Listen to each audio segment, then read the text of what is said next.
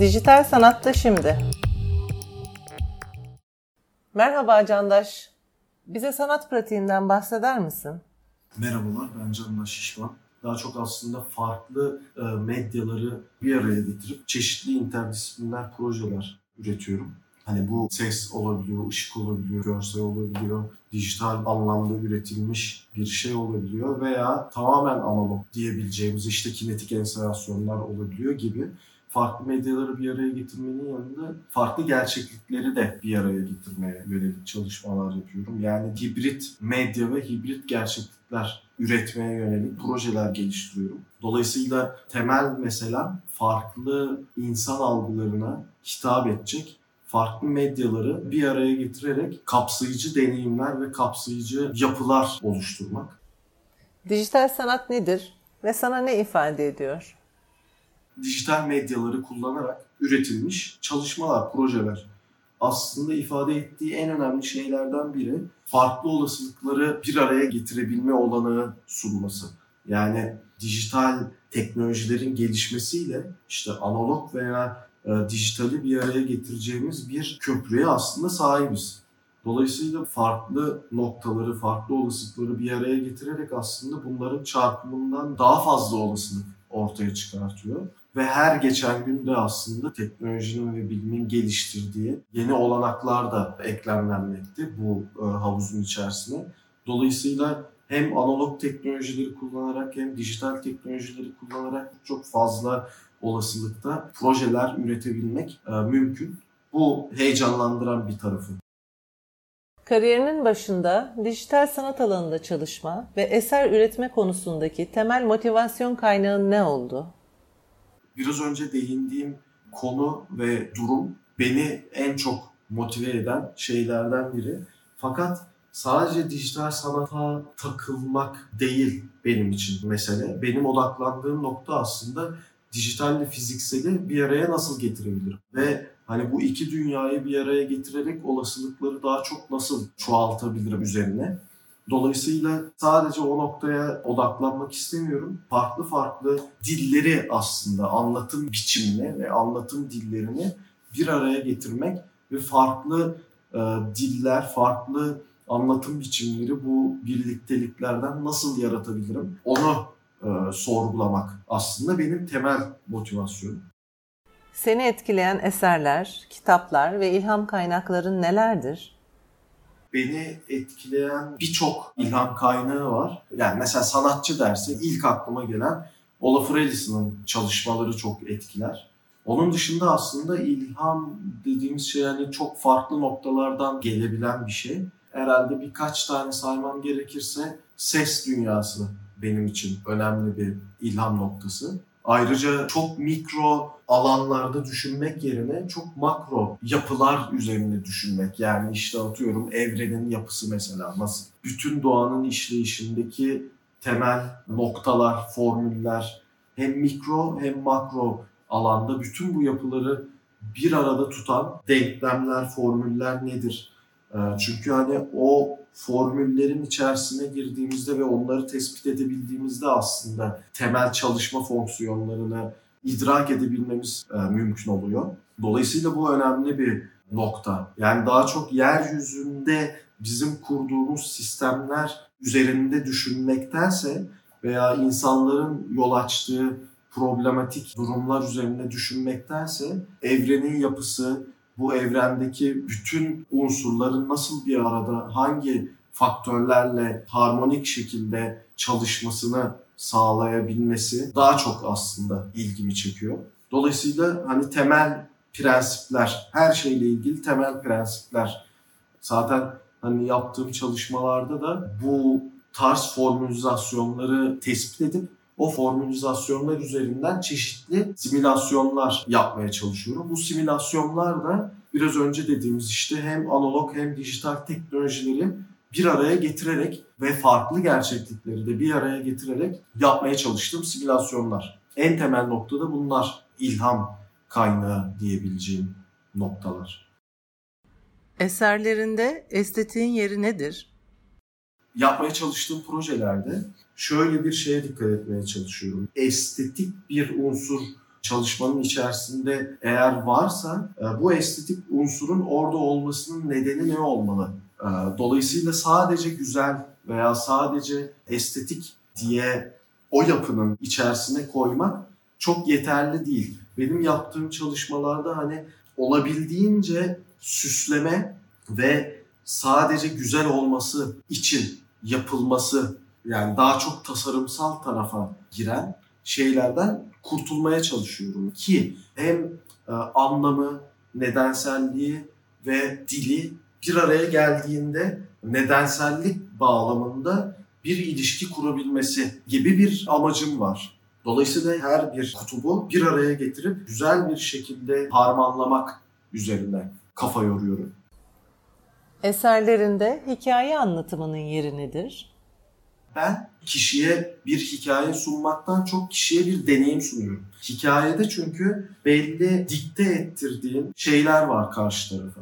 Dolayısıyla benim aslında odaklanmak istediğim nokta kişiye bir deneyim sunmak ve bu deneyim çerçevesindeki düşünüş biçimini özgür bırakmak. Aslında benim tabii ki de kendi projemin çıkış noktasında hikaye olabilir ya da anlatmak istediğim bir durum olabilir. Fakat bunları öteleyip karşı tarafın algılarına bırakarak bu deneyimi kendisinin bir hikaye kurması, kendi deneyimleri çerçevesinde daha çok tercih ettiğim bir şey. Son dönemlerde hangi projeler üzerine çalışıyorsun? Neler ilgini çekiyor? Son dönemlerde kişisel olarak çalıştığım bir proje yok. Ee, ya benim kurucu ortaklarından biri olduğu Nohlab isimli bir stüdyomuz var. Immersive Experience dediğimiz kapsayıcı deneyimler üzerine çalışıyoruz. Ve şu an stüdyoda bazı projelerimiz ilerlemekte. Aslında ilgimi çeken birçok şey var. Fakat hani kendi çalışmalarım özelinde bu aralar üzerine düşündüğüm durumlar insan algısını yani farklı duyularımızı nasıl manipüle edebilirim? Yani genellikle vision dediğimiz görme üzerine ve duyma üzerine çevremizi anlamlandırıyoruz. Fakat baktığımızda birçok farklı duyumuz var yani. Bunlardan biri koku, koklamak mesela. Ee, ve genellikle anlatım dili, anlatım yöntemi olarak çok tercih edilmiyor. Aslında benim yapmak istediğim çalışmalar daha çok farklı insan duyularını bir araya getirip yani mesela işte koklamakla dokunmak ve görmeyi bir araya getirip hibrit algılar açığa çıkartmak. Dolayısıyla bu yapılar üzerinde neler geliştirebilirim? Bunlar üzerine aslında birazcık kafa yoruyorum. Ve özellikle interaktif teknolojilerin ilerlemesi, izleyici tanımının değişmesi, artık kişinin hem deneyimsel hem de bireysel olarak manipüle etmek ve işin içine dahil olabilmek anlamında olan gelişmeler. Bir yandan da bunlar üzerine düşünüyorum. Yani hem deneyimsel olarak farklı insanın farklı algılarına yönelik bir yapı oluşturmak hem de kişinin de aslında etkileşime geçebileceği yapılar oluşturmak ve bu yapıları da kişinin manipüle edebilmesi aslında hani sanatçı olarak bir simülasyon veya bir environment yaratmak bu simülasyonun içerisinde kişinin burayı deneyimlemesi ve manipüle etmesi ilgimi çekiyor ve bunun üzerinde nasıl yapılar geliştirebilirim düşünüyorum. Dijital sanatlar alanında çalışmak isteyenlere neler önerirsin? Dijital sanatla uğraşacak arkadaşlara önereceğim en önemli şeylerden biri sadece dijitale saplanmamayı öneririm. Birçok farklı kaynaktan, birçok farklı yaklaşım biçiminden, birçok farklı anlatım dilinden beslenmeye çalışmaları olacak. Çünkü çok fazla olasılık ve çok fazla yapı mevcut. Bunların her biri bizi besleyecek, bizi zenginleştirecek hazine olarak görmeye çalışıyorum. Bütün gerçeklikleri, bütün algıları, bütün bakış açılarını veya bütün teknikleri, bütün perspektifleri bunların her birinden beslenebilmek önerebileceği şeylerin herhalde başında gelir. Çünkü eğer tek taraflı beslenmek veya odak noktamızı tek taraflı olarak şekillendirirsek birçok olasılığın içinde tek bir yolu tercih etmiş, at gözlüğünü takmış ve o yolda ilerliyor oluruz. Olabildiğince e, objektif olmaya çalışıp çok farklı kaynaklardan beslenmeyi öneririm. Bugünden geleceğe baktığında 10 yılda teknolojik ilerleme bağlamında hangi başlıkların hayatımızda olacağını söyleyebilirsin?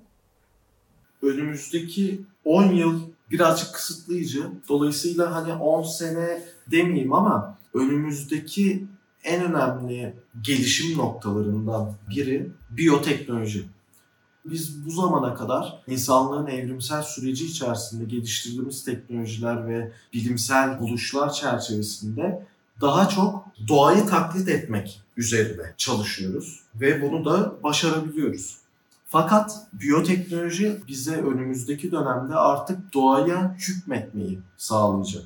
Tam bu noktada bir diğer önemli gelişmelerden biri de aslında biyoteknoloji ile şu an geliştirdiğimiz teknolojilerin birleşmesi olacak. İşte yapay zeka dediğimiz durumun aslında biyolojik olarak bizim bedenlerimizle birleşmesi gibi bir olasılıktan bahsediyoruz. Dolayısıyla hani bu iki olasılığı e, bir araya getirmek beni en çok heyecanlandıran noktalardan biri. Çünkü aslında bütün bunların da çok doğal bir süreç olduğunu düşünüyorum. Neden derseniz doğallığın ne demek olduğunu konuşmak gerekir.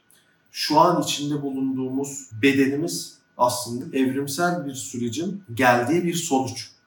Dolayısıyla hani insanın şu an geldiği noktanın son noktası olduğunu düşünmek aslında çok mantıksız. Çünkü biz bu suretimize evrimsel bir süreç sonunda e, ulaştık. Fakat evrimsel sürecin en başına baktığımızda hücre, bakteri gibi şeylerden türeyerek bu noktaya geldik. Dolayısıyla geçmişimize bakarak geleceğimizi öngörmemiz bakış açısı olarak mümkün. Bir yandan da bildiğiniz üzere insanın algıları belli bir aralık içerisinde çalışmakta. Yani duyularımız aslında olan fiziksel gerçekliği tam olarak algılayamıyor. Yani çok basit örneklendirmem gerekirse belli frekans aralığını görebiliyoruz veya belli frekans aralığını duyabiliyoruz. Dolayısıyla aslında görmediğimiz ve duymadığımız bir ton şey mevcut beni bu noktada en çok heyecanlandıran şeylerden biri geliştirdiğimiz teknolojilerle gerçekliği tam olarak algılayamama özürlülüğümüzü geliştirmek. Dolayısıyla bu bizim bakış açımızı da değiştirecek. Yani çevremize bakış yöntemlerimizi değiştirirsek aslında gördüğümüz şey de değişecek ve bakış açımız da değişecek. Dolayısıyla önümüzdeki süreçte insanlık olarak en önemli kırılma noktalarından biri biyoteknolojinin gelişmesi ve artık evrimsel sürecimize müdahil olabilmek, organik evrimsel sürecin inorganik evrimsel sürece dönüşmesini sağlayabilme lüksümüz ve geliştirdiğimiz teknolojilerle insanlığın evrimsel sürecini bir araya getirmek. Şimdilik bu kadar. Teşekkürler. Biz teşekkür ederiz.